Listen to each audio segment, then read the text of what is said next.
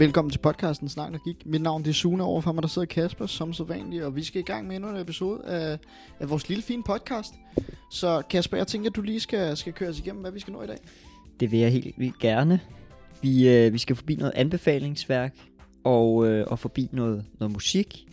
Også lidt i anbefalingernes gade, kan man sige. Vores segment omkring det, hvis man vil høre mere om det. Vi skal, ej, vi skal nok også forklare om det, det senere, men øh, som vi launchede sidste gang, kan man vel sige. Yep. Så skal vi forbi noget omkring læringsmiljøer og perfekthedskultur, som jeg har taget med.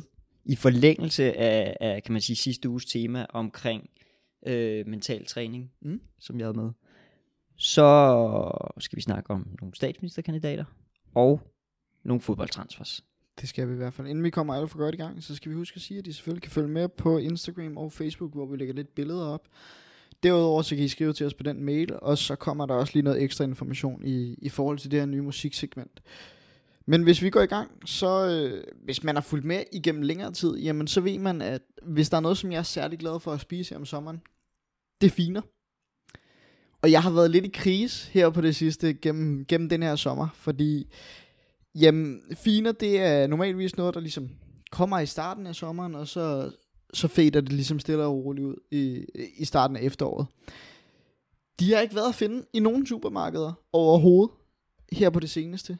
Men de er, de er endelig kommet tilbage. Jeg var ellers en smule bekymret, vil jeg sige. Netop fordi, jamen, de har ikke været at finde. Jeg var et smut til, til Fuerteventura, Spansk ø, Lækker ø, Kanarisk ø. Lige høre, hey, hvad så? Hvad sker der? Hvor bliver de her fine af? De fortæller mig, der har simpelthen været for tørt. Derfor så de finer, der nu engang er kommet, jamen, de har ikke været store nok til salg, så, så man har simpelthen ikke fået en stor nok og en god nok høst til, at, til at det kunne sælges videre til andre lande. Så, så der har jeg jo været rigtig øv over det, men det, det er endelig kommet tilbage. Ses i forskellige butikker, det er kommet i sortiment hos, hos Netto, hos Føtex, hos Menu, og de er tilbage, og jeg er glad. Kæmpe anbefaling herfra, det er, det er finerne. Vi har jo snakket om dem før, så, øh, så jeg er glad igen. Fantastisk. Har allerede kværnet, kværnet nogle stykker. Man kan næsten proppe en, en Star Wars titel på. Finerne tilbage. Nej, finerne vender tilbage. Er det sådan der? Det tror jeg, det passer. Emperor. Ja. Back to Yes. the finer. Back, back to the finer. Back Ja. to the future. Så, øh, Der er en anden film, ja. Ja, så de, øh, de skulle tilbage, og det, øh, det er jeg glad for. Jamen, spis dem. De ser både flotte ud indvendigt, smager godt, masser af gode fibre i, og så er de ikke lige så sukkerholdige som, som de tørrede finer. Så friske finer, ned i jeres lokale netto, 15 kroner for en bakke med 6 i. Det smager pis godt. Spis dem. Fedt. Der er ikke så meget andet at sige.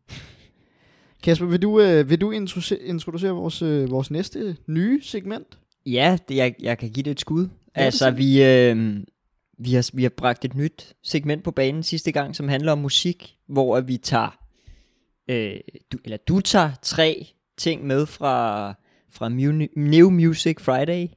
Udtaler jeg det rigtigt? Ja, det gør du. Det gør jeg, ja. Hvad det hedder. Du tager i hvert fald tre nye aktuelle sange på. Øh, og så kommer jeg også med en sang, som, hvad det hedder, en, en Det tidsløs er sådan sang. lidt et wildcard. Et wildcard, Ja. ja. og, og det gør du også. Yep. Så det vil sige fem sange i alt, og de bliver smidt ind på en playliste, vi har lavet. Ja. Og øh, ja, der ligger allerede fem sange, og efter i dag, så burde der ligge 10, ikke?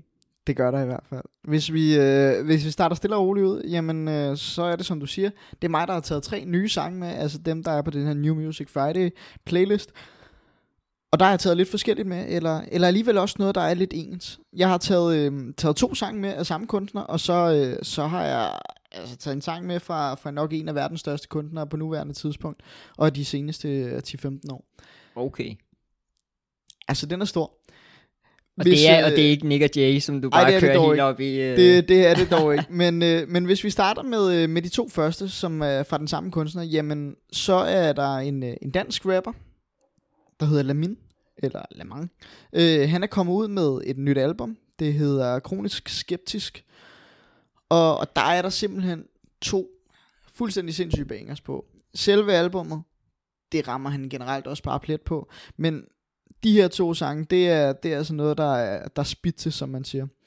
Den første, jeg har taget med, jamen det er den, der hedder Hvad skal der ske? Selvfølgelig med, Melamin. Og, og så er der et feature, der hedder Ice Kid. Ice Kid, ham øh, kender mange nok fra, er du dum eller hvad? et track på, på en af FIFA-spillene. Er den blandt andet fra, jamen så kender man ham fra Blondiner Brunetter. Man kender ham fra, fra lidt af hvert. Sindssygt fed feature. Selve sangen, den har lidt den her sydlandske vibe. Den her lidt sommerlige vibe. Jeg, øh, jeg har tidligere snakket om, jamen jeg har savnet lidt, at der kommer virkelig en, en sommerbanger, som, som får mig til at danse, som får mig til at have det godt. Og der er den her altså en god kandidat, fordi den har den her sydlandske vibe, som, sagt, og som sagt. Der kører lidt den her samme grundmelodi, som man også kender fra Hvor fuck er min drink henne med Arti Arti. Det er lidt den samme vibe, den giver. Sådan lidt laid back, lidt sådan la man, man laver bare lige et track for sjov, og så alligevel så er det bare konge. Så er der også nogle grinerende linjer med, der er blandt andet en, øh, hvis man er ind over sociale medier i dag, jamen så er der meget det her med, uh, she's a 10, but, og så siger man et eller andet, der gør hende til en lavere karakter på, på den her skala. Og der kommer han er også det sådan en TikTok-trend eller sådan noget? man Ja, jeg kende? tror det er noget TikTok, Instagram trend, Okay. som, uh, som Ja, der kører med, Den, at, den øh, kender jeg sgu ikke lige. Men, med, med at en pige, hun er en tiger, men så gør hun et eller andet. øh, okay. Øhm, og der har, der har Lamin og, og Ice Kid faktisk, de, øh, de har smidt noget med fra den her trend, for de siger, hun var en 10'er, men blev til en 4, når lysene er tændt. Okay. Altså, det er den her lidt flamede kommentar til, til damerne. Ja. om, at, ah shit mand, hun er måske ikke øh, den flotteste, når lyset først er tændt, men hun er egentlig meget god, når det er slukket. Det synes jeg er lidt fedt. Man har lov til at være lidt flabet. Og så er det bare, igen, Ice Kid, jamen, ligger de fedeste vers i, i alt, han er med på, både som feature, men også hans egen. Og så er der kontrastykket, som også bare er, er voldfedt lavet, og ligesom alligevel sørger for at, at skabe noget anderledes, hvilket et kontrastykke normalvis også skal, men, men ikke så mange lykkes med på den her måde. Så øh, første, hvad skal der ske? Lamin feature Ice Kid. Må, må jeg lige tilføje? Det er bare, det, jeg Ja. synes, det er lidt sjovt, det der med, at, øh, at det er selvfølgelig fedt, der er kommet et, en sommerbanger, men altså, ja, det, er den, lidt det er den sent. 4. september i dag. Det, Det, det er lidt sent, men bedre sent end aldrig. Jeg synes, jeg synes, det er fedt, der alligevel kommer noget, der... det kan ikke være en efterårsbanger. Nej, det kan det ikke. Nej, fordi okay. den, den er for sommeragtig til det. Ja, så, Den næste kan måske være en efterårsbanger. Fordi Okay. det er, som sagt, som jeg sagde til at starte med, endnu en, øh, en sang fra Lamins nye, øh, nye album. Det er en, der hedder Balance, og de features, han er på, det er konge-features. Det er Casey, og det er Benny James. Og det, det er jo bare det, man kender fra BOC. Altså, det er alle de gutter, der er derfra. Og der er Casey og Benny James nok nogle af de største også. Så, så det er bare den her kæmpe BOC-vibe, man, man får på selve sangen. Og det er så kongen. Altså, hvis man er til den slags, så, så er det også bare noget, der rammer plet. Selve sangen kører meget den samme vibe, som man kender fra Stable, hvor det er Come On, feature Artie Artit og, og Lamin selv. Så der der er ligesom kørt videre på den her. Og så igen, altså de ligger nogle, nogle fede linjer. De synger blandt andet, de ved godt, de brændte en chance, da de ramte den grænse. Ingen af dem har balance. Kæmpe følelse. Altså det der med, at man ligesom, ja, yeah, man siger, fuck jer, I, øh, I har allerede brændt jeres mulighed for ligesom at, at gøre det bedre end os. Men, men hey, I, øh, I rammer sgu ikke plet, så nu tager vi den og, øh, og, og kører den, øh, kører den hjem. Så det er kæmpe følelse, de kommer ud med, og, og kæmpe vibe. Det, øh, det er fedt. Så, så det var to stykker fra Lamin. En øh, hvad skal der ske, og en balance. Den sidste, må, må jeg lige, og igen, Ja. øh, hvad det hedder, nu siger du, der er en sommerbanger og en efterårsbanger og sådan noget, altså det, er der også en vinterbanger og en forårsbanger i den? det tror det jeg kunne- desværre ikke. Nej, Der- okay. Der, der er en kærlighedsbanger måske. Så kunne, det jo, så kunne den jo lægges lige op af, af de fire årstider, hvis man kender den, Ja, det det, klassiske... Øh, Og sygt bare gå ind. Den kommer med på playlisten. ja, Nej, det tror jeg sgu ikke. Nå, men det næste, som jeg, som jeg teasede, det er nok fra en af nutidens største stjerner på, på musikscenen. Det er nemlig Justin Bieber, vi skal have fat i. Der har jo altid været meget sådan, nogen kunne lide ham, andre kunne ikke så godt lide ham, og, og han laver generelt bare noget godt musik, og jeg synes, han laver noget musik, der rammer rigtig meget. Han har lavet øh, en ny sang, der hedder Beautiful Love, Free Fire, i forbindelse med et spil, som man kender bedst som Free Fire. Det er sådan et øh, Battle Royale-spil, mobilspil, men man kan måske lidt sammenligne det med Fortnite. Jamen, det er noget, der foregår i en stor arena, og så kæmper alle sammen mod hinanden om at, om at være den sidste overlevende, så at sige. Så lidt, lidt den her Hunger Games vibe. Der har han lavet den her sang i forbindelse med, med spillet, og hvis, hvis man ikke ligesom han troede, han eller vidste, at, at det var det, den var lavet i forbindelse med, så ville man nok umiddelbart tænke, når man lige hører den, jamen det er da egentlig en meget fed sang sjov nok også derfor, den er med på.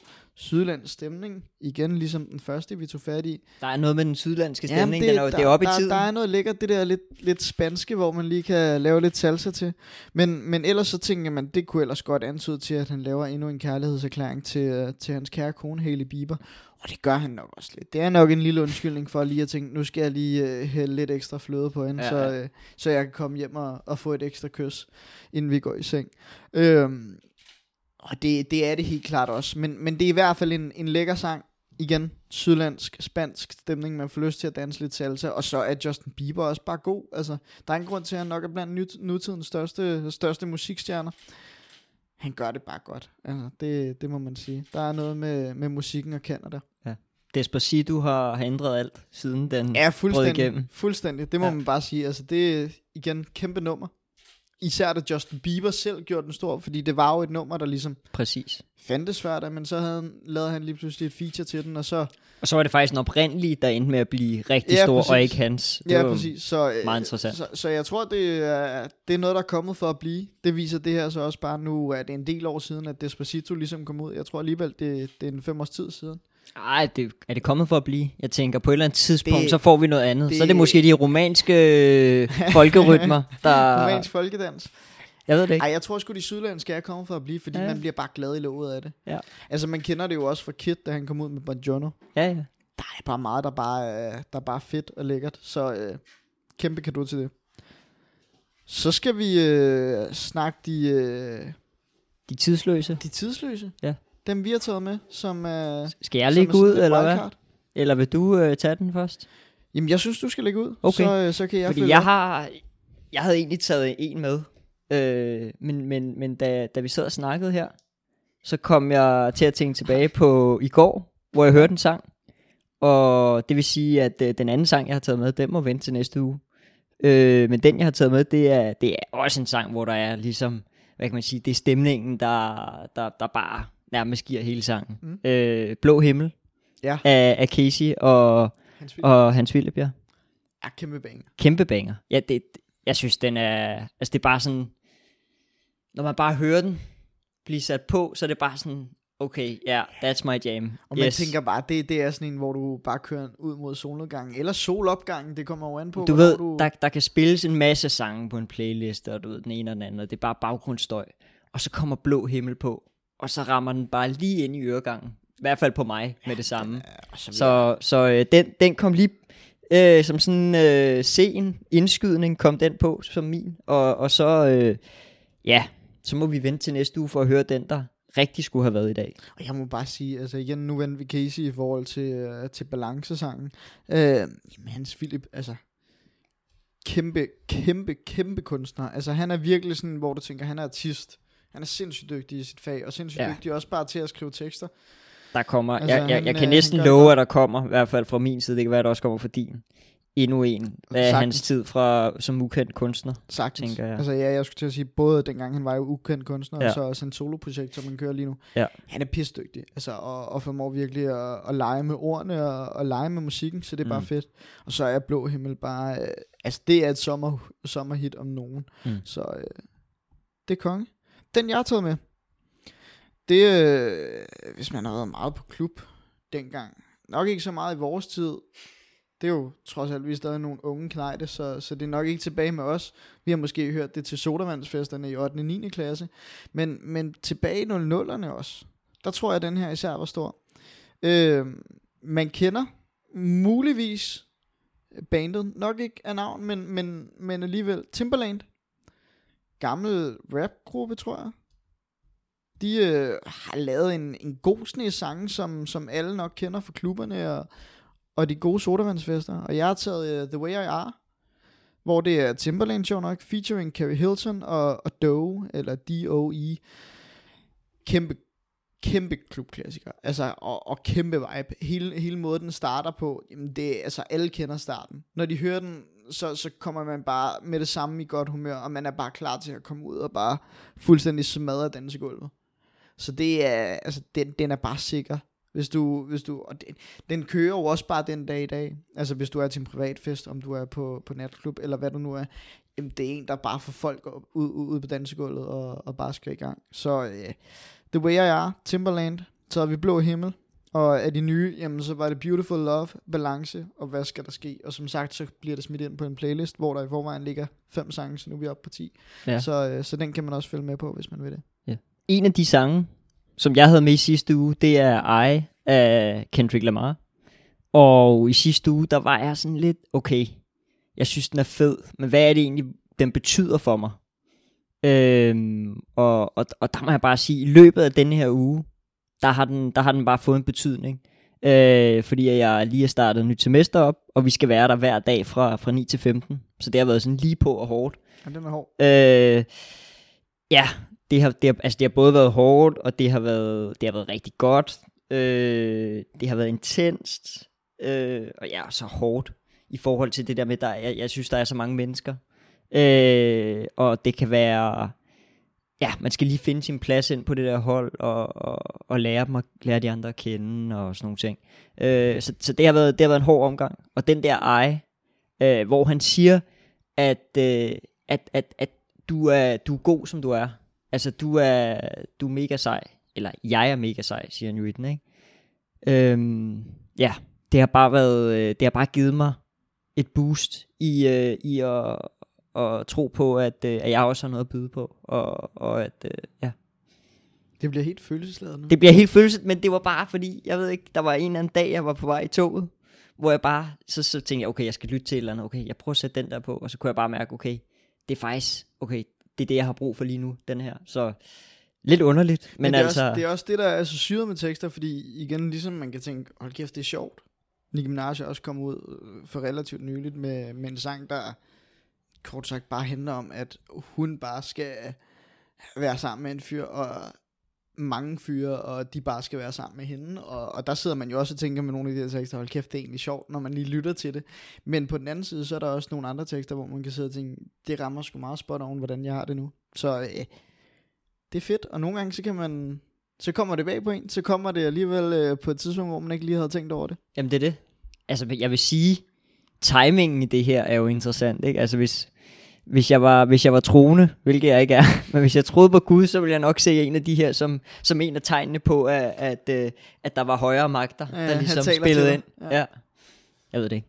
Ej, det skal ikke blive for freaky på den måde. Nej, øh, det er jo så også derfor, jeg så heller ikke er troende. Men altså, Vi, Øh. øh, vi skal videre til noget læringsmiljø. det skal vi, ja. Det skal vi, Ja, ja. Vil du øh, take it away? Ja, ja, altså der, der vil jeg lige starte, nu skal der ikke gå for meget navlepilleri i det, men altså jeg vil lige starte med, med min dag i dag, hvor jeg har været på, på trænerkursus, øh, fordi på sådan en trænerkursus, i det er sådan en fodboldtrænerkursus, afholdt af DBU, Dansk Boldspilsunion, der lærer man lidt om nogle forskellige måder, øh, at, man, at man træner, laver en god træning. Og, og det synes jeg bare var, det synes jeg var fedt, men, men jeg ved ikke, om jeg synes, jeg lærte så mange nye ting, men i hvert fald fik genopfrisket nogle ting, som jeg har hørt før til, til nogle af de her kurser. Og noget af det, man snakker om, det er, det er hele den her del med, med, med hvor meget, eller hele diskussionen om, hvor meget ros, og hvor meget, øh, hvor meget, hvad hedder sådan noget, hvor meget fejlretning skal der ligge i det. Ja. Øhm, og, og ja, det synes jeg bare er et mega spændende emne i forhold til, til sådan læringsmiljø. Hvordan er det, man skaber et ordentligt læringsmiljø? Og, og, og hvordan er det, man, hvad kan man sige, nu, nu er det også perfekthedskultur. Hvad, hvad, hvad kan vi ligesom gøre for at gøre op med, med perfekthedskultur og, og sådan nogle ting? Så det var egentlig derfor, jeg gerne ville, ville bringe det på banen. Så hvis vi bare lige tager i forlængelse af sidste gang, der snakkede jeg om noget af det med, at en del af mental træning, det handler om at ture og lave fejl. Øh, og, og der kan jeg godt lide at sige, at fejl er lige med læring. Og det tænker jeg egentlig også i forhold til, til sådan læringsmiljøer, at det er vigtigt, at man tør at, at lave fejl. At man har et miljø, hvor det er, det er okay at lave fejl. Fordi uden at lave fejl, øh, det tror jeg også, jeg sagde sidste gang, men jeg kan blive ved med at sige det, fordi jeg synes, det er så vigtigt. Men uden at lave fejl, så, så kan man ikke øh, have et miljø, hvor det er, man rent faktisk udvikler sig og, og lærer på, på, en, på en optimal måde. Øh, og sidste gang fik jeg vist også nævnt, at folkeskolerne og, og sådan skolerne generelt har lidt en tendens til, at der ikke rigtig er plads til, at man kan lave fejl. Det er sådan lidt, okay, der er ikke nogen, der tør at række hånden op. Hvorfor tror I, at der ikke er nogen, der tør at række hånden op? Ja, jeg kan huske, der, der var meget på et tidspunkt sådan noget med, hvorvidt man egentlig skulle, skulle vise, at det var decideret fejl, der blev lavet. Øh, jeg kan ikke huske, om det specifikt har været i forhold til min skole, eller bare mere generelt. Det har højst sandsynligt været noget, der, der har været snakket om generelt, hvorfor min skole så, så begyndte på det, da, da jeg gik i folkeskole. Men der var der det her med, at jamen, i stedet for at man skulle skrive, at man for eksempel havde fået fem fejl, så skulle man skrive, at man havde fået 45 ud af 50 rigtige. Fordi så i stedet for at vise, du tager fejl, jamen så skal du vise, hey, du har rent faktisk gjort noget rigtigt. Øh, og der, der kan jeg huske, man snakkede om, at det ligesom skulle gøre noget, noget psykisk ved, at man rent faktisk følte, at man gjorde det godt, fordi man havde fået noget rigtigt, i stedet for at fokusere på, at man havde fået specifikt de her fem, fem fejl. Ja, øh, og det er også lidt, altså det springer ud af, at man har lavet en masse undersøgelser omkring, at folk, de, de, de altså fejlretning generelt er bare ikke særlig effektivt. Mm. Øh, man kan sige, man kan argumentere for måske, at det er nødvendigt at fortælle ja, folk, øh, når det er, de laver en fejl, så det er, de ved det. Men, men altså, når man, når man rent faktisk undersøger det, så er det bare ikke, der er ikke nogen, der synes, det er sjovt at blive, blive rettet. Og ofte så har det en, en, en negativ effekt. Så er det mere effektivt, når det er, at man giver folk lov til at lave alle de her fejl, og så roser, når det er, det faktisk går godt, mm. i stedet for hele tiden at have et negativt fokus. Det er ekstremt svært i praksis som træner at skulle stå, og ja, ja. ikke, hvad kan man sige, bare hakke ned, fordi man ser hver gang, der er der en, der laver en dårlig aflevering for eksempel, så ser man det, eller i skolen vil man som lærer jo se, hver gang det var, der var en, der lavede en stavefejl. Og det, det er selvfølgelig også, altså man bliver også nødt til at sige, hvis det er noget, der sker gentagende gange, hey, du skal nok lige prøve at tjekke op på det her på en eller anden måde, men så kan man sige det på en måde, der ligesom gør, at det er... Man, man kan frame det på en anden måde. Ja. Du gør det sindssygt godt, Øh, men, men måske skal du lige tænke på den her lille ene lille del. Hvis du gør det, så vil det være helt vildt godt. Ja, jeg har en, jeg har en, øh, en forelæser, en lærer på, på den skole, jeg går på, og hun er meget sådan, altså hun er meget pædagogisk på mange punkter, og det, det kan være sindssygt positivt. Nogen vil også godt kunne få, meget, få for meget af det, men, men hun går meget op i, at sige, op i at sige, at når du skal give noget konstruktiv kritik, så hedder det først og fremmest ikke konstruktiv kritik. Det synes hun er et åndssvagt måde at sige det på. Så hedder det korrektur, eller korrektion, tror jeg hun kalder det. Øhm, og så oven i det, så går hun også meget op i, at når du så starter med at skal, skal rette på personen, så skal du rette ud fra dig selv, og du skal starte med at sige noget godt om personen. Netop som du siger, så sige, det her gør du rigtig godt, det her gør du knap så godt, eller det her synes jeg ikke er. Så, så man ikke decideret angriber personen, men ligesom starter med at sige, det her, det er pis fedt, det du laver men vi kan måske godt gøre det her anderledes. Og så tager det ud fra ens eget, så man ligesom siger, tager sig selv med i det, så man godt kan se, altså, så, så man ikke ligesom sørger for, at personen står alene omkring det. Jeg synes, der er noget af det, der, der meget kan blive sådan en flueknipperi, fordi hun er meget pædagogisk, men der er også nogle, nogle rigtig fine ting i det her med, at man ligesom sørger for at, at lave et godt udgangspunkt, der, der ikke gør personen ked af det, hvis man kan sige det på den måde. Altså, man kan sige, hele den der pædag- meget pædagogiske tilgang, der, der kan jeg også synes, at det kan blive lidt for meget. Men når man så rent faktisk sidder i situationen, mm. så hvis man mærker efter, så føles det faktisk ret rart. Mm. Det føles rart, når der er der andre, der ligesom anerkender en først med noget godt. Og, og, og, og der, man taler nogle gange om burger-metoden, ikke? at man starter med noget godt, så har man kritikken, og så slutter man af med noget godt. Så man ikke øh, bare bliver, bliver hakket på fra start af, og man også slutter af med at have noget, noget, noget godt, man får at vide. Men, men det skal heller ikke gå hen og blive sådan for nedladende i det, fordi du kan også komme til et punkt, hvor det rent faktisk bare sådan, hvad kan man sige, sådan spædbarnsteknik, hvor du bare sidder og siger, nej, hvor er det godt, at du kunne gøre det. Altså, mm. Nej, hvor er det godt, at du kunne skrive med en blyant. Altså, det, det bliver også bare sådan noget, hvor man tænker, der, får man, der bliver man mere irriteret af det. Jeg kan huske på trænerkurset i dag, der snakker vi om, at man kan godt give for meget ros. Og der vil jeg, vil, jeg vil, jeg vil ja. tilføje til det, man kan give for meget ros, men jeg tror aldrig, man kan give for lidt kritik. Mm. Så jeg tror, det er den måde, man skal vende den på. For meget Korrektion. ros. For meget ros, det, det, det og, og sådan øh, intetsigende ros. Ja. Altså hvor, eller hvor du roser fejl det er der, hvor man ligesom, det, det er for hvor meget. Hvor du bare roser for at rose. Ja, det, det, så er det bedre, jeg kan godt lide den, hvor det er, man også lige propper, altså man roser, men så propper man også lige sådan en, øh, hvad kan man sige, en, en specifik ting omkring ja, det, man roser klar. ind. Så det vil sige, øh, super god, hvad det hedder, stavning, hvis det var en dansk opgave. Du er super god til at stave. Øh, så man ikke bare siger, ej hvor er det en god opgave, men man faktisk kommer med det specifikke. Ja. Det var super godt det her, og det er fordi du er blevet bedre til at stave, eller et eller andet. Eller til fodbold, Øh, flot klaret, Sune. God aflevering. Du, øh, du, har fået, øh, du har fået vendt foden rigtigt. Eller, det er måske også lidt nedladende. Men altså, men, men, men forstå jeg- mig ret. Ja. Øh, det er lidt svært at komme, komme på det på sted øh, lige her nu, men, men, men ligesom komme med noget specifikt omkring det, mm. så det er, at man, man også føler, at, at kritik, eller hvad det er, ikke, kritikken, rosen er oprigtig. Ja, så man ligesom kan se, at de rent faktisk har sat sig ind i det, og ikke bare er fyldt med tomme ord, og bare siger, det var godt klaret. Nå, Ja. hvad var det, der var godt klaret? Også fordi, så betyder rosen ikke noget længere. Så hvis man sådan skamroser, så er det ligesom at gøre ingenting. Mm. Der skal ligesom være, det skal betyde noget. Okay, wow, jeg fik, jeg fik, øh, jeg fik ros tre gange i dag af, Ja. ja. af, af Sune. Det var super fedt. Øh, eller whatever. Ja, ja.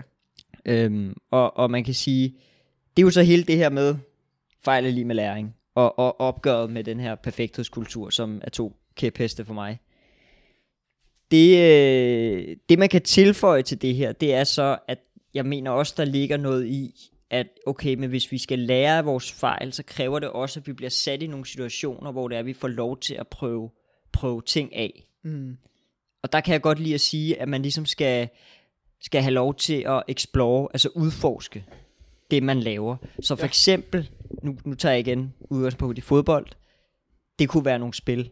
Så, så når man, så for eksempel i min træning, så vil jeg sige, okay, størstedelen af det, vi laver, det er spil. Og grunden til det, det er spil, det er fordi, at så får man lov til at udforske det, og man får lov til at, at, at prøve tingene af, og det er ikke så topstyret for mig.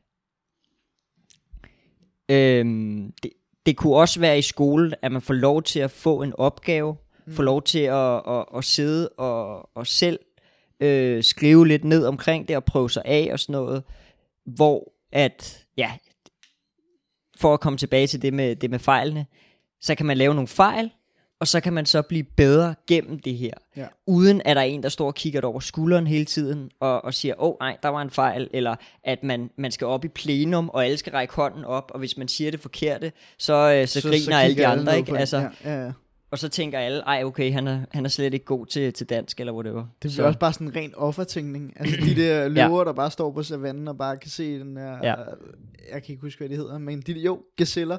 Og bare tænker, nu skal vi bare øh, flække den der. Det bliver netop sådan noget offertænkning. Ej, ham der fik øh, gav et forkert svar i matematik, eller dansk, eller hvad det var.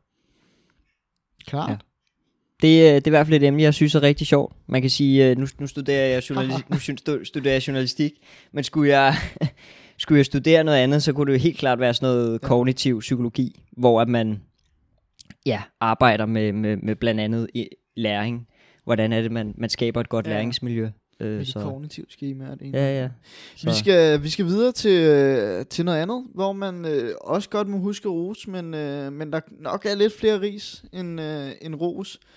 Og det er, det er de helt udsatte. Det er politikerne, de danske politikere. Det De er, er helt udsatte. ja, de, de er lidt mere udsatte, end, end hvad man er i skolen måske. Vi skal, vi skal snakke statsministerkandidater. Dem er der jo tre af. Det er Søren Pape fra, fra de konservative, så har vi Jakob Ellemann Jensen fra Venstre, og til sidst vores kære statsminister, Mette Frederiksen fra Socialdemokratiet. I dag, hvor vi sidder og optager søndag den 4. september, der øh, i aften kl. 21 er der den første debat mellem de her tre statsministerkandidater. Øh, og, og som nævnt, jamen, så har vi de her tre statsministerkandidater, hvilket er meget atypisk i forhold til de seneste valg. Jamen, der har det været en fra Venstre, det har været en fra Socialdemokratiet. Vi har ikke rigtig stået i en situation, hvor der har været tre i meget lang tid. Så det, øh, det er lidt atypisk, det er lidt specielt, og, og derfor skal vi dykke lidt ned i det. Vi skal snakke om det her lidt tåget lands, landskab, som der er for tiden. Hvorfor det er tåget, hvordan de her kandidater står, hvem der egentlig står bedst måske, Hvorfor er der tre? ja, hvorfor der er tre, hvem, der, hvem peger på hvem, hvad vil folk have, hvad vil danskerne have, øh, og måske også lidt de her forskelle der er. Øh, som sagt, et lidt tåget, tåget landskab for tiden, men, øh, men lad os prøve at, at kaste os ud i det. Hvis vi starter med, med vores kære statsminister, Mette Facebook Frederiksen, som nogen kender hende for, jamen, øh, der, der kigger man jo selvfølgelig først og fremmest meget på, på hendes parti, man, man kigger meget på Socialdemokratiet, jamen hvor står de? Det er meget et midterparti, hvilket vi ser som, som værende noget ret populært lige nu i, i dansk politik.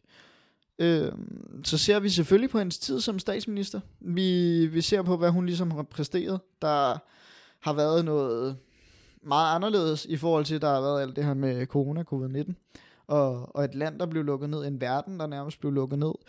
Så, så man kigger meget på, jamen, hvordan klarede hun det? Man kigger meget på det her med, med Mink-sagen, hvor der selvfølgelig er kommet en masse ud omkring det. Øh, hvordan hun klarede den, jamen den her skandale, som, som mange ser det som. Og så kigger man selvfølgelig også på, at hun, hun er kendt som den her Facebook-statsminister. Øh, man, man kender hende som Mette Facebook Frederiksen. Og, og det betyder jo også, at hun både har rigtig mange tilhængere og fået rigtig mange tilhængere, men hun har også fået en del flere kritikere, fordi hvor folk før i tiden var måske lidt neutrale omkring hende, jamen øh, der er hun i hvert fald delt valgene nu, og det er, jo, det er jo meget det, man kigger på, når man skal, når man skal se, om hun har muligheden for at blive statsminister, øh, eller ej. Og der kigger man selvfølgelig også på, hvilke partier, som hun ligesom kan få med. Det er primært rød blok, men hun åbner selvfølgelig også muligheden for, at man, øh, man danner en, en regering midt, øh, over midten. Så ser man på, hvilke partier, der vil være med til det. Og der, øh, der kan selvfølgelig være nogle, nogle forskellige muligheder. Så har vi den ja, øh, kære Jakob Ellermann Jensen. Han står i, i, i, i noget forladt og, og meget øh, forvildet venstre. Det, det er et venstre, som man ikke rigtig kender det i forhold til før i tiden. Og, og han står egentlig også som partiformand, har ikke rigtig fået udfyldt den her rolle, som, som man ellers håbede, han kunne. Han har været ret anonym, ret øh, politisk korrekt på en eller anden måde. Øh, så, så, så han står lidt et sted, hvor man er sådan lidt, jamen, hvem er han egentlig? Sådan meget ordentlig, ikke på en eller anden ja, måde. Præcis, Altså han er ikke fra det der... Og... Ja, han er ikke sådan en, øh, han er ikke den der bunde type, som man måske vil associere, øh, i hvert fald en del af Venstre. Ja, præcis. Han er, han er, han er måske ikke engang venstremand, hvis man kan sige det sådan, og, og så, så står han også bare et sted, hvor man ikke rigtig 100% ved, øh, hvad der egentlig lige kommer til at ske, og hvad han står for. Venstre er jo også faldet en del i, i forhold til, til sidste valg, faldet en del i forhold til meningsmålingerne.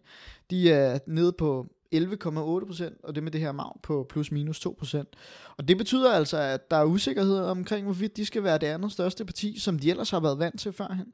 Så man står lige pludselig med, med en meget, meget svækket venstre, øh, man ikke helt ved, hvor man skal placere, og det gør man bestemt heller ikke med partiformand. Og nok også den svageste statsministerkandidat i forhold til, til hvem man lige ved, hvem han er, og, og hvem der har den største chance for at, for at stå på tronen til sidst. Så har vi øh, den kære Søren Pape fra, fra konservativ. Står endelig frem som statsministerkandidat først og fremmest. Der har været meget tvivl omkring, hvorvidt han vil være det eller ej. Han har snakket i lang tid om, at han nok skulle melde noget ud. Det er så meldt ud mens vi snakkede måske om det i sidste podcast. Konservativ som parti vokser og vokser. Står nu med 16,4% med et magn på, på de her plus minus 2,4%. Det vil sige, at de faktisk står som, som det andet største parti lige nu, og bliver bare ved med at vokse. Bliver ved med at, at, at få en masse ja, følger efter sig, hvis man kan sige det på den måde. Mange mener jo også, at, at han er mere værdig end, øh, end Jakob Ellemann Jensen som en, som en borgerlig statsminister. Da, da han i hvert fald træder, træder væsentligt mere i karakter i forhold til, hvad, hvad han har gjort. Øh, Han står også lidt mere gavet, ikke? Ja, både mere gavet og øh, også lidt mere farvet. Altså sådan, han er, han er lidt mere, øh, han, er, han er både mere omfavnende, men han er også en, du lidt mere ved, hvad du går ind til. Fordi, som sagt, Jakob Ellemann Jensen, meget anonym. Søren Pape Poulsen, det er en, man ved, hvem, hvad man får. Altså, man, man ved, hvem han er, man ved, hvad han står for. Øh, han har dog lige nu en, en sag kørende omkring hans mand, der omhandler hans mands identitet, fordi der har været angiveligt nogle løgne i forhold til, hvor han kommer fra, hvilke relationer han har, hvordan hans familie er.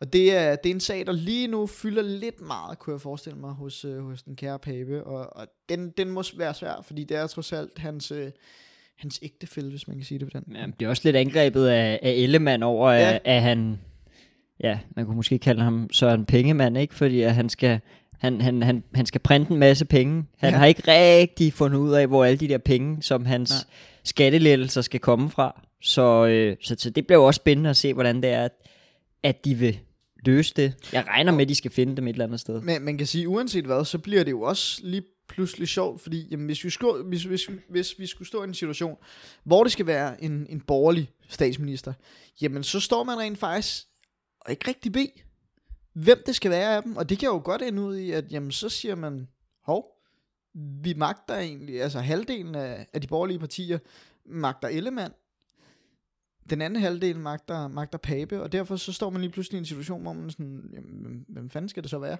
Og så kan det være, at det ender med, at det, det bliver Mette Frederiksen, fordi det er den lette løsning, fordi så skal man ikke vælge mellem de, de to kampagner. Så, så det, det, er en, det er en lidt sjov situation. Hvis man skal kigge på sådan forskellen, jamen så har vi selvfølgelig, at noget, der har været meget op i medierne, vi snakkede lidt om det sidst, både Søren Pape og Jakob Ellemann Jensen, de kan se sådan en som den dømte Inger Støjberg som, som minister. Det er ikke lige umiddelbart noget, Mette Frederiksen kan. Man har ikke hørt hende tale så meget om det, hvorfor hun også er en, en, en smule anonym omkring det.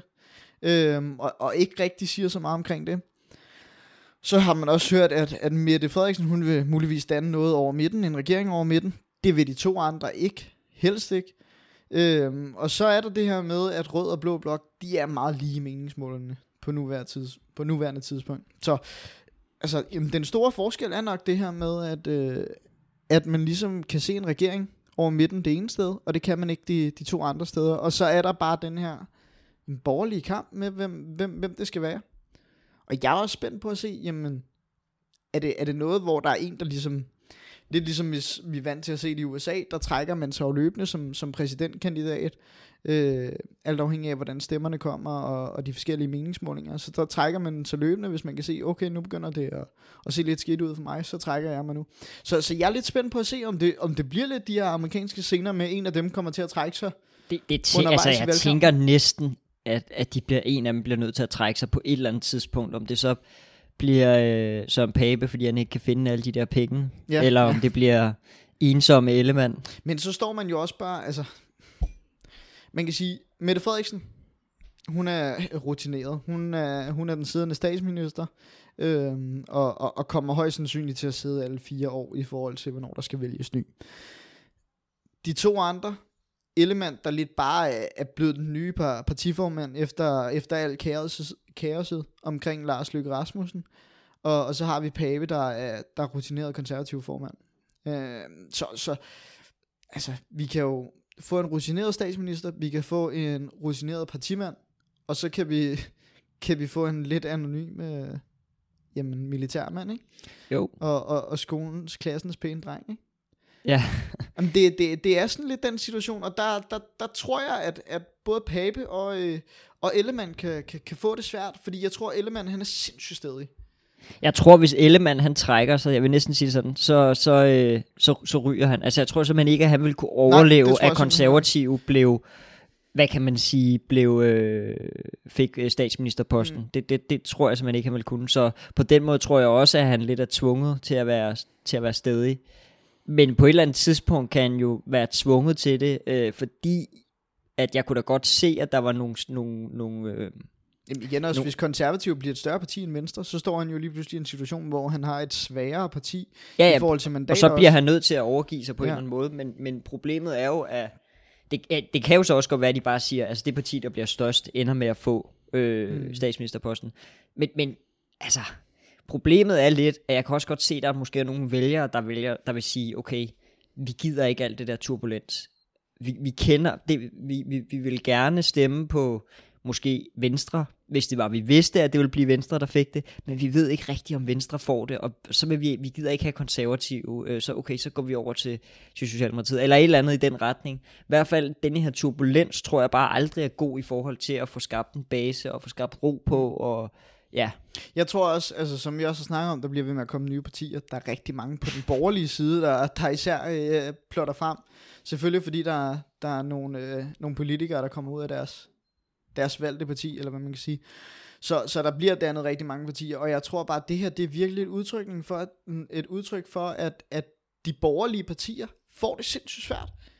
Også i fremtiden, ved, frem, ved fremtidige valg, fordi lige nu, jamen, så står vi med så mange partier, og vi står med så mange forskellige borgerlige partier, hvor de bare har, har fordelt vælgerne fuldstændig, så, så man, man kan meget mere stemme efter sin, sin mening, og man kan meget mere stemme efter, hvad man synes, der er fedt.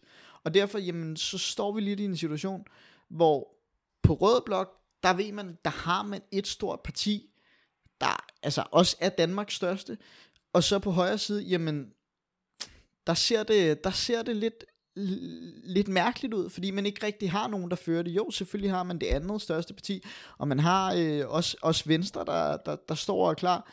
Øh, konservative selvfølgelig også som, som det andet største parti, som det ser ud lige nu. Øh, men, men generelt så ser man også bare, at partierne bliver mindre, der kommer flere.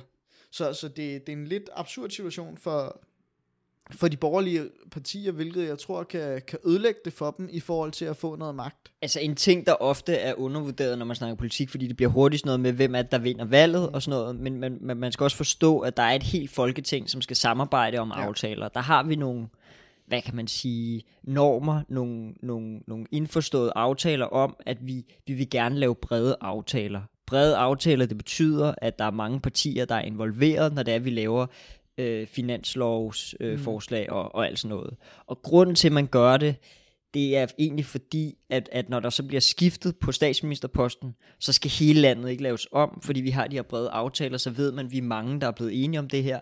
Ja, alle har ikke fået lige præcis det, de gerne vil have, men, men alle har sådan været, eller de fleste har været okay med det, og skrevet under på den her aftale. Og, øh, og, og, og der er det jo, at hvis du har rigtig mange partier over på den borgerlige side, så kan de måske have svært ved at finde ud af, hvilken retning er det egentlig, vi vil gå i. Og det vil sige, at de vil måske stikke i syv forskellige retninger, og så vil det være, øh, så vil det være Socialdemokratiet og, og Enhedslisten og SF osv., Radikale Venstre, der vil, der vil styre dagsordenen som de sådan mere stabile partier, ja. der er, måske alle sammen kan blive enige om en retning, eller måske med en afstikker. Og man må bare sige, altså jeg tror sagtens, det kunne rive, rive de borgerlige partier endnu mere fra hinanden, fordi man kan netop stå i en situation, jamen, hvor den ene står med et nederlag, og det ødelægger Venstre eller Konservative. Øh, men, men, men du kan jo også stå i en situation, hvor vi netop har halv-halv, hvor det er 50-50 i forhold til, til, hvem der skal være borgerlig spidskandidat, hvis man kan sige det på den måde. Og, og det, der, der er der jo nogen, der vil stå som taber. Det vil den ene halvdel, og den anden, øh, den anden halvdel vil stå som vinder. Og det, det tror jeg bare ikke gør noget, fordi jamen, dansk politik har det med at, med at bære af, og det har vælgerne også. Øh, alt afhængig af, hvor, hvor stor en sag det er. Og, og jeg tror bare, at det, det gør bare ikke noget godt for, for de borgerlige partier, at man står med, med to kandidater, der lige pludselig, pludselig skal toppes. Altså, man, man ved, de her partier, de har arbejdet godt sammen tidligere. Og det, øh, det bliver altså svært, når de lige pludselig skal kæmpe mod hinanden. Så øh, det, øh, det bliver interessant at se, hvad det, hvad det Ja. ligesom kommer til at gøre ved det politiske landskab. Også Ja. derfor, det er et, et lidt toget landskab for tiden, og det kommer til at være det. det Man, man, man kan måske sige, hvis man skal tage lidt den modsatte del på det, altså nu har vi kørt ligesom en, en vinkel på det, hvor det er, vi siger, okay, uh, det kan måske blive et problem, at der er så mange partier, mm. men, det, men, men, men modsat kan man måske sige, at det styrker dem, fordi det gør, at de kan fagne flere mm, vælgere, klart. og flere vælgere, der vil føle et til, tilhørsforhold til, til en af de her partier, fordi der er mere at vælge imellem. Og man kan sige, det er også noget, jeg personligt selv har klaget over rigtig mange gange, at jeg ikke helt selv synes, at, at min holdning bliver særlig godt repræsenteret. Så man kan sige, der ligger også en styrke i, at man har så mange ting at vælge imellem. Klart. Fordi, altså det er jo ligesom, hvis du går ned til, til, øh, til is, til Ja, ismanden, Ismanden, ja. ja, ismanden, hvad det hedder, isboden, og, og, og, og der kun er vanilje og chokoladeis. Altså nu er jeg jo total vaniljefreak, så det er måske et dårligt eksempel for mig, men altså der er kun chokolade og, Ja. ja. og, og, og jordbær.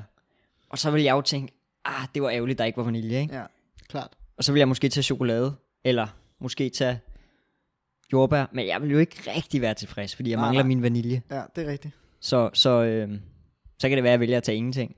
Eller hvad? Ja, Ah, okay, det så, så tjener ismanden igen, det er is. Og især ja. hvis du får den af dine forældre. Men hvis nu det var to ting, jeg bare overhovedet ikke kunne lide. Så, så vil man ikke magte det. Så vil jeg det, er ikke jo gide det, det. er jo også en situation, så på den måde, jamen så kan den borgerlige side jo også få, få lov til at få nogle flere vælgere, der ligesom siger, øh, jamen vi, vi vil meget gerne over til jer.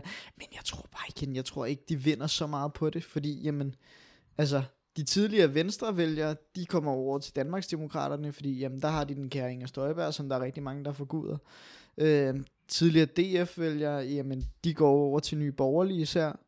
Så jeg, jeg tror ikke, de vinder så forfærdeligt meget på det. Men, men, men under alle omstændigheder, så bliver det jo spændende at se. Ja.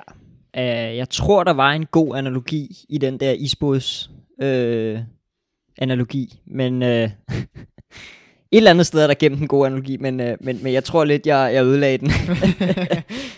Ja. Vi, inden vi lige runder, runder den her af, så skal vi også lige snakke om, jamen, hvad, hvad vil danskerne? Hvad, hvad er det, de går op i i forhold til det her valg? Der er kommet lidt, lidt forskellige meningsmålinger ud om, jamen hvad er det egentlig danskerne kigger på nu? Og, og det der ligesom er meget, meget vigtigt i forhold til det her valg, eller op til det her valg, det har også været meget vigtigt andre gange, men denne her gang er det meget vigtigt. Det er sundheden. Sundheden, det er dengang et rigtig, rigtig vigtigt emne for danskerne. Og det har højst sandsynligt noget at gøre med, med corona. Jamen, man er som nation, som verden, blevet skræmt over, at vi lige pludselig står i en situation, hvor vi bliver nødt til at lukke et land ned, fordi folk reelt set kan dø af en sygdom. Så, så det er klart, at man begynder at, at kigge mere på det her sundhed, og derfor så bliver det klart også et af de emner, der skal diskuteres. Dernæst så har vi nationens økonomi, og den er jo højst sandsynligt blevet en del vigtigere i forhold til, hvad den har været andre år. Selvfølgelig er den altid vigtig, men grundet den inflation, som vi ser lige nu, grundet de usikkerheder, der er omkring, Prisen på, på ja, prisen benzin. på el, prisen på benzin, altså det, der er meget, der lige, der lige pludselig er kommet ret højt op. Benzinen er begyndt at falde, men elen, den fortsætter en vej, og det er opad. Så, så der, er, der er rigtig meget usikkerhed, hvorfor der er rigtig mange, der har brug for en klar plan. Og det er jo også, som du siger, jamen, hvis sådan en som Søren Pape, han kan komme ud, og man ikke rigtig kan, kan få at vide, hvor de her penge kommer fra, jamen så, øh, så kan det blive svært for sådan en som ham. Fordi hvis han ikke rigtig kan vise danskerne, at der er styr på det her, og det her det er et af de vigtigste emner op til valget, jamen øh, så får han det svært. Så, så nu må vi se. Det, øh, det bliver et spændende valg at følge, og det kan jo blive skudt i gang når som helst. Jeg tror, den bliver trukket til, til, til næste sommer. Jeg tror, at... Øh, Tror du det? ja, jeg tror, Mette Facebook Frederiksen, hun, øh, hun vælger at sidde så lang tid, som hun nu end kan. Men det kan jo, det er jo, det kan give problemer, hvis der er jo nogle partier, der har sagt, jamen, så, så, øh, Det kan så vil de erklære, men igen... så, så vil de ikke støtte hende længere. Jeg, jeg, jeg, jeg tror, at øh, jeg tror, hun får lov til at sidde der. Fordi igen, altså et, et parti som Radikal Venstre, der er et af dem, der siger, at de har svært ved at støtte hende, hvis hun ikke øh, udskriver valg snarest muligt, når de kommer tilbage fra ferie. Jamen, øh, jeg, jeg, jeg, tror, jeg tror, Radikal Venstre er et sted, hvor de, hvor de ikke rigtig ved, hvad de, hvor de skal placere sig. Fordi jeg tror egentlig ikke, de, de gider et parti som Venstre eller Konservativ. Jeg tror, de hælder klart mest til, at det skal være Socialdemokratiet. De vil bare gerne have lidt magt, og det, det har de mulighed for at, at gøre ved at sætte hende i et ultimatum. Men jeg tror, jeg tror det, det først bliver skudt i gang til, til, til næste sommer. I starten af næste sommer. Jeg tror, hun sidder der fuldt ud. Det er, det er jo ikke så tit, man hører det. Den, øh, den er jeg på. Men du er, du er måske også den en særlig en, der går ned i isboden og beder om, øh, om guf på toppen og en soft ice. Ej, lige, lige guf, men soft ice, det, det kunne jeg sagtens. Og så lige noget krømmel. Eller ikke krømmel, men det der kakaopulver. Det er den gode. det er godt. Det der helt fine kakaopulver. Ja. Alternativt også noget smælkechokolade, der lige stivner rundt om Oj, soft så, så er man altså det er den også... helt dyre. Så er man fræk. Så er Ja. man nødt at lave en rigtig fræk en. Øh, Så øh, det bliver spændende. Tror du, der kommer en, en midterregering, så at sige? Eller tror vi, det bliver øh, noget Ah. rødt eller blåt? jeg tror mere, det er sådan en... Øh, ikke skræmmetaktik, men sådan lidt fra Socialdemokratiets side. Okay, altså, vi kan også bare vælge de andre partier. Vi er Ja. ikke afhængige af jer. Men jeg ved, jeg ved det ikke. Det, Det- bliver spændende. Altså Lars Ja. Lykke er jo en af dem, der også har åbnet op for det samme med Moderaterne. Ja, men altså, Så, Moderaterne, det er jo... men, men de ser, på nuværende tidspunkt, der, der de er nogle af dem, der rent faktisk godt kunne hoppe ind i, øh, i Folketinget. Godt Jo, nok jo. ikke med så mange mandater, men, men de har en chance for det. Danmarksdemokraterne står Og hvad, og hvad bliver det næste? Han laver en, øh, en uffe og, og stiller op som statsminister. Ja, det kunne være fedt. det kunne han godt finde på. Nå, Kasper, vi skal videre til, til det sidste emne. Vi skal, vi skal gøre noget, vi skal have gjort transfervinduet op.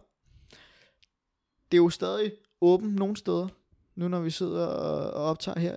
Jeg tror blandt andet, det er åbent i Australien og lidt forskellige steder. Man kan stadig hente nogle... Det er ikke, Nogle Aus- spillere, det er ikke Australien, vi skal Nej, snakke det er det ikke. Vi skal, vi skal primært snakke noget, noget dansk.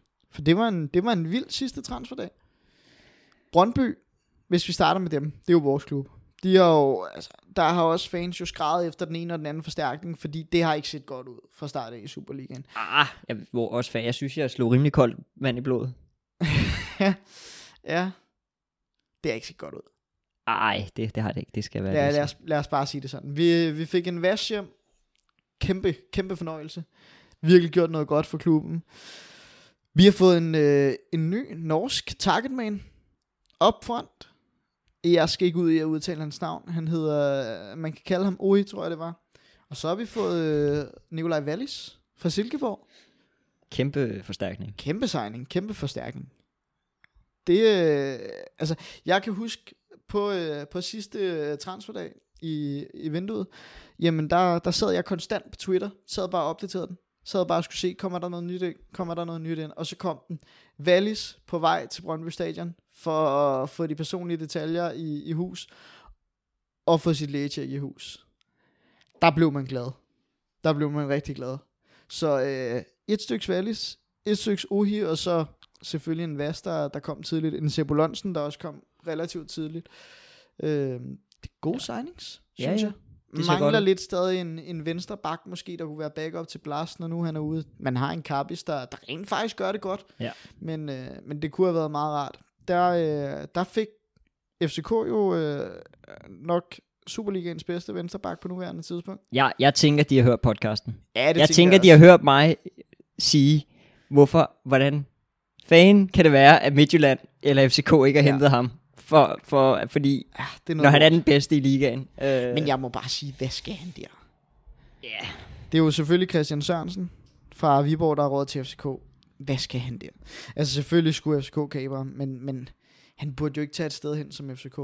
De har en øh, Victor Christiansen, tror jeg det hedder, på, øh, på vensterbakken, der er sindssygt dygtig. Ung gut. Ja. Hvad skal Og, de med og, en en, og, en 30-årig? anden, og en anden ung gut.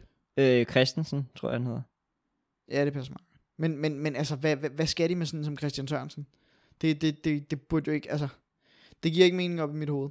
Og, og det giver heller ikke mening for mig, at, at han skal derhen. Altså, at han vælger at sige, jeg tager sgu til FCK.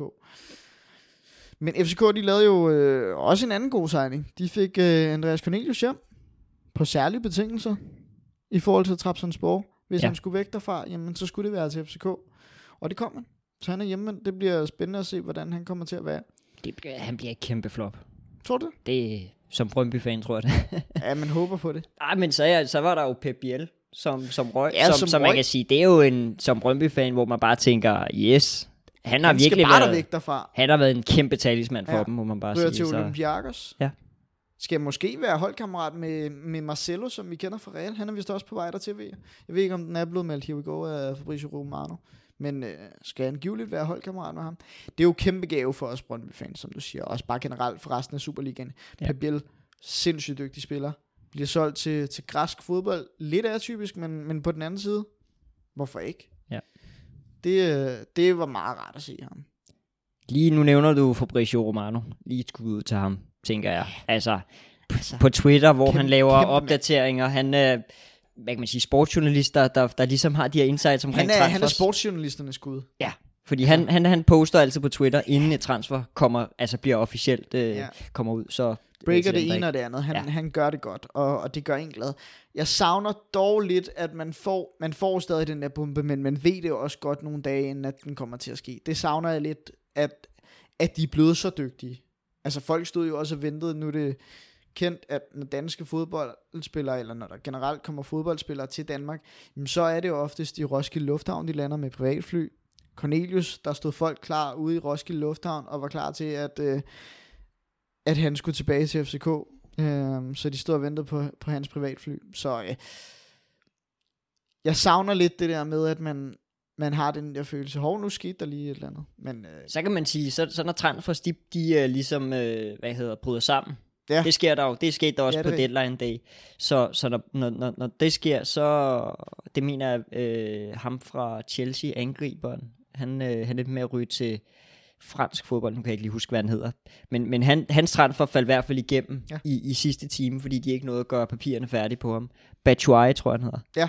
Så, så jeg mener når i hvert fald, det var ham. til Fenerbahce, Øh, sådan noget. tyrkisk fodbold. Men, men i hvert fald, øh, det, det, faldt, øh, det faldt fra hinanden, hans transfer. Så, så, så der, altså, der kan man jo sige, der bliver man jo overrasket, når det er, at, at sådan noget skal man regne med, at der Ja. er noget, der går igennem, og så bum, de nåede det ikke inden deadline, de var lidt dogne. Eller, Jeg eller ved også, der var en ung gut fra Marseille, der var på vej til først den ene klub, og så var han på vej til Leeds, kommer til lægetjek i Leeds, den ser ud til at være i hus, så består han ikke lægetjekket, øh, og så står han stadig i Marseille, hvor han, hvis den givetligt var uønsket, men øh, det er jo sådan, lige pludselig så crasher de, og så, øh, så er der ikke så meget at gøre der, så har man siddet og regnet med, at det skulle til at ske. Ja. Øh, vi skal også lige forbi en, øh, en tidligere Brøndby-angriber med Kinok. Han er kommet tilbage til dansk fodbold, AC Horsens. Nu sidder vi og ser noget Brøndby AC Horsens, mens vi optager her. Han er, han er kommet tilbage til dansk fodbold. Det synes jeg er et fedt, fedt, fedt skifte. Også fordi han var jo, altså, kæmpe Brøndby-mand, da han spillede der. Gjorde det virkelig godt. Høj, ranglet. Han nåede ikke at have sit lange hår. Jeg tror lige præcis, han blev klippet, inden han tog til Brøndby for HB Køge. Det er sgu meget fedt at se ham tilbage. Han er, han er en fed karakter her i Superligaen. Dolberg til Sevilla. Nummer 5 på ryggen. Sindssygt atypisk for en angriber. Holdkammerat med, øh, med Delaney nu. Så nu har vi øh, to danskere. Jeg ved ikke, kom Victor Nielsen til Sevilla? Eller... Det tror Den jeg jeg ikke lige... Øh... Han skulle have været på vej til det, Ja. men, øh, men jeg det, der er jo interessant med. Dolberg, det er jo, at, at hans nummer 5 kommer fra en anden offensiv spiller, Ocampos. Ja. Så, så, øh, så jeg tror Som måske, der er, ja, Ja. så der er måske noget der omkring. Der må være noget historik der, som Ja, det ikke tænker jeg kender. også. Men, Men, øh, men det er et sjovt, sjovt nummer. Og ja. Braithwaite bliver i Barcelona, men en anden Barcelona-klub kommer til Espanyol. Ja, ja. Det- Kæmpe, kæmpe transferhistorie også i forhold til, hvor, hvor mange problemer der har været med det. Han fik vist øh, det, man kalder et gyldent håndtryk inden for finansverdenen, når der er nogen, der har lavet lidt shit i den, og så øh, får lov til at gå før tid, fordi de ikke skal være, være en del af Danske Bank, eller hvor det nu skulle være. Så fik han et ja. Ja. gylden, gylden håndtryk af, af Barcelona. Ja, det man, og det var jo også i Barcelonas interesse. Mm. Øh, det hvor man, øh, hvor man terminator, altså river kontrakten over. Ja. Øh, og det kan man gøre sådan, at klubben bare river den over, så skal de betale en masse penge, eller også så kan man blive enige om en kompensationsordning, hvor man bliver enige om at rive den over. Og det var, en, det var lidt det, der skete med Braithwaite. Ja. Så de skal ikke betale det fulde, men det er stadig virkelig mange penge. Ja, de skal betale et årsløn, Ja. tror jeg, det var noget med. Så det, øh, det, det er, men jeg synes, der kommer flere og flere af de der, hvor kontrakten den bliver reddet over. Ja, og, og der, Der, kommer var også flere og om det flere. med Depay. Det, er det noget officielt endnu? Nej, der er ikke sket noget med det. Det Nej. Kommer heller ikke noget, der kommer heller ikke til at ske noget med det. Nej, jeg er okay. ret sikker på. Okay. Det, øh, det skulle angiveligt bare være det. Ja. Han, øh, han bliver bare i klubben. Jeg tror også, han er kommet med et eller andet officielt melding på det. At ja. øh, han har valgt at blive i klubben for ligesom... Han vælger at blive i klubben og være marginalspiller. Øh, Nå, ja. men han er bare ikke favoritten, vel? Nej. Øh, det må man sige, Lewandowski er.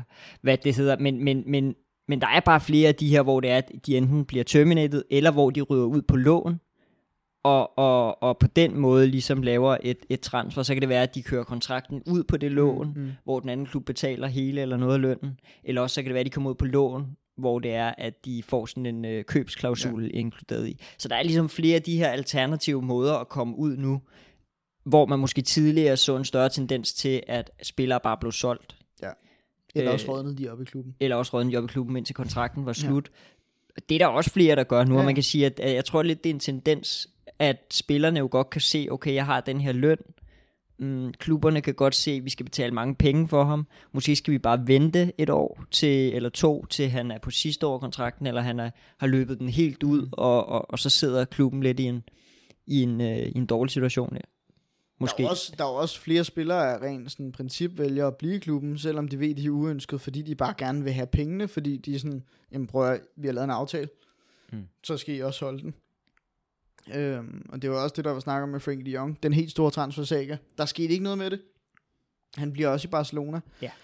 Øh, Man kan sige, at Frenkie de Jong er også en lidt sjov case, fordi det er jo præsidenten, ja, det er ikke det er ham. ikke træneren. Xavi, øh, Xavi Det øh, er, træneren, han det er er, præsidenten, ja. der, der helst ser ham ude, fordi der Ja. ligesom var noget han økonomi er jo en det. dygtig spiller, så, så jeg kan da godt forstå, at Xavi gerne vil have ham i planerne. Øh, så ja, Skete der noget for Arsenal? I var til på at signe en uh, Douglas Luiz, tror jeg det var, fra Aston Villa. Ja, han er på sidste år af sin kontrakt, så man øh, skød en masse penge efter ham, og så sagde Aston Villa, vi vil have vildt mange penge for ham. Og så sagde Arsenal, okay, han er på sidste år af sin kontrakt, det får I ikke. Vi signer ham til næste sommer. Ja. Det er grunden til, at man lige prøvede her til sidst, det var fordi, hvis nu man kunne have fået ham, så kunne det være en fin erstatning, Mm. eller øh, øh, forstærkning, nu når det er, at både Thomas Partey og El Neni er, er ude med skader, og, og, og Partey har lidt problemer med nogle skader, man ikke helt kan finde ud af, hvordan, hvorfor det er, han bliver ved med at få, men der er, de prøver alle mulige Ja. ja. ting, øh, så, og, og El Neni er ude et stykke tid nu, så, så der, det kunne være fint, men så vælger man bare at sige, okay, vi har, vi har stadig andre spillere, der kan spille den plads, og så spiller vi bare dem. Mm. Men ellers har I da ikke lavet det store. Altså, I signede jo Jesus og Sinchenko til at starte med. ja, jeg ved, okay, Det har ja, lidt været det, eller hvad? Ja, altså, øh, og, og, og så øh, nogle andre spillere, Vira og sådan. Men, øh, er men ja, altså, det, det, jeg, jeg tror, at, øh, at planen ligesom var lagt. Ja. Og så var det bare med at få det i hus. Og så, ja, så var opstod der måske en mulighed til sidst, som man ville prøve at undersøge. Og så alligevel ikke. Altså, Thielemans og, og Louise har man været lidt kigget lidt på, Ja. men de er sidste år kontrakten. Så man tænker jo nok lidt, okay, så kan vi måske få en af dem på fri transfer næste år eller eller andet. Og Ja, dem, ved dem der er, der har præsteret godt, man har vundet alle sine kampe. Ja, ja. Så Så taber I så her senere i dag. Nu, nu skal I møde øh, de kære spillere fra United. Ja. Det, øh, det Ja. glæder vi os til at se. det, der, der, så, så efter i dag, så, så har de stadig øh, fuld plade, må man bare sige, toppen af, sta, altså lige meget hvad vil de være toppen af Premier League, tror jeg faktisk. Ja, det er rigtigt. Men, men, men så det har, været en, det har været en fin opstart, og man kan sige, altså pointen er jo en ting, men det er også bare det der med at, at, kunne- at kunne se, går det den rigtige vej, kan man, kan man se tendenser, det synes jeg, at man kan se. Jeg synes, det, det, det fungerer, den måde tingene er på. Selvfølgelig er det, er det et, en svækkelse af Partey er skade, men, men, øh, men det går den rigtige vej. Så, Så. må vi bare lige sige for os lige at være en Premier League færdig. Håland. altså, manden er jo hjernedød. Han har scoret 10 mål i, i de første 6 kampe af sin Premier League. To hat i træk. Der var nogen, der sagde, at ham der Nunez, han bare, ah nej, Holland, han, han bliver vildt dårlig, og så Nunez bliver den helt store. Ja, Nunez blev også den helt store til at give Joachim Andersen en skalle, og, Ja. ja. og derefter få tre dages, eller tre spildags karantæne. Ja. Der kan man sige, der har han scoret højst på det, men, men Holland, han har klart scoret højst på, øh, på målene. Er du gal, mand? Han Men- bomber men, løs. Men det har måske faktisk kun gavnet Liverpool, at, at han fik det røde kort, fordi det har betydet, at Firmino, han er er kommet Ja, er tilbage ind i Han er blevet hjernedød. Får altså en historisk sejr på, Ja. på 9-0. Det tror jeg kun er sket hat fire i gange. assists og, Ja, og, og to to, passer. mål. Ja. Det er jo helt vanvittigt. Men, men altså Holland, altså to, to hat det er helt... vanvittigt. Øh, Altså, og så også bare 10, Suppe. 10 mål i, øh, i, i seks kampe. Altså, lige kommet til ligaen. Han er jo, altså, man skulle tro, manden er en robot eller maskine eller et eller andet. Han, han hjerner dem ind, og, og det er helt uden at overveje det. Han er, han er vild. Altså, det er en, øh, det er en vanvittig signing, som, som Ja, de har lavet der. Jeg tænker lidt, øh, var det sidste år, vi havde Kane og sådan, der bare fandt Ja, hinanden ja. hele tiden? Der tænker jeg, at det brøgne til, Til Holland. til Holland, og ikke Kane til sådan. Jeg tror, det bliver den... Det, det er vildt. Det må man bare sige. Altså, det er, det er fuldstændig vanvittigt at se på. Og man er også Ja. ja. bare sådan, når man City har scoret, de spiller godt nok kun 1-1 mod, hvem var det, vi var ude i? Var det Aston Villa? Ja, det var Aston Villa, fordi Gerrard han var glad for, at han, øh, han klarede det okay mod, øh, mod City. Ja, altså den bliver 1-1 mod Aston Villa, der har fået en utrolig dårlig start også. Og der tænker man, det er ikke godt. Men når man så går ind, jamen der er ikke nogen overraskelse. Det er selvfølgelig Holland, der har scoret. Så altså, fuldstændig hjernedød mand, der bare er en maskine, der bare plaffer dem ind. Altså, Ja. Han har givet noget ekstra til, til City-spil. Og så er der alle dem, der sagde, at Holland, han kan kun lave mål. Han har faktisk også lavet en rimelig flot assist til Gundogan, så vidt jeg husker. ja. Som, hvor han ligesom får bolden og, og spiller den med ryggen til mål Men og spiller at den igennem. Fuck om Så- han kun kan lave mål. Manden, han er jo, altså han er købt ind til, at han bare skal lave mål. Ja, ja. Og men, altså, øh, så, så der er jo ikke nogen grund til Jeg- at, jeg tror også bare, at, at han- for det. Ligesom man så med Aguero og Jesus, der hen over tid i, i Manchester City blev sådan, de startede som sådan meget øh, ensidige angriber, der bare kun kunne, kunne løbe ja. I dybden, til at de lige pludselig blev meget involveret i spillet. Jeg tror også i højere og højere grad vil vi se, at Holland får Klart. udviklet afleveringsspillet, når han er under Guardiola, og ender mås- måske med at blive endnu bedre og mm. endnu mere komplet, fordi at han, han, han også får det til sit spil. Fordi det er jo en af de ting, hvor man kan sige, okay, han laver mange mål, men er han særlig god til afleveringer? Ja, han er okay, men han kan måske godt blive bedre. Hvor mange mål slutter han på? Det ved jeg ikke. Altså, han, Hvad er det, de spiller? De spiller 38 kampe, er det ikke noget med det? Jo, de kan, du 20 ikke, kan, du ikke bare 38 sige, kampe. kan du ikke bare sige, hvor mange mål øh, Gabriel Jesus han laver for Arsenal, og så trække en fra? Kommer ikke til at ske. Hvor mange har han scoret? indtil? Han har også scoret en del. Ja, jeg tror, jeg tror tre mål eller sådan noget. Ja, det kan være. Men, men Holland, han kommer, altså, det bliver over de 30. Det bliver måske over de 40. Han kunne, han kunne godt score flere, score flere mål, end han spiller kampe. Det, øh, det bliver vanvittigt at følge. Kasper, øh, er vi, er vi ved at være der, hvor vi, øh, vi siger tak for i dag? Det, det tænker jeg. Jamen, Hvad mindre så, du lige vil, øh, vil, vil, vil runde øh, Uniteds mangel Altså, på... Jeg, jeg, jeg, jeg må sige, øh, det, det er flot, man er i gang med at starte et Ajax 2.0. Ja. Det er nogle gode signings, de har lavet. Lidt i tvivl omkring Anthony fra, øh, fra Ajax, Bra- Brasseren, altså den brasilianer.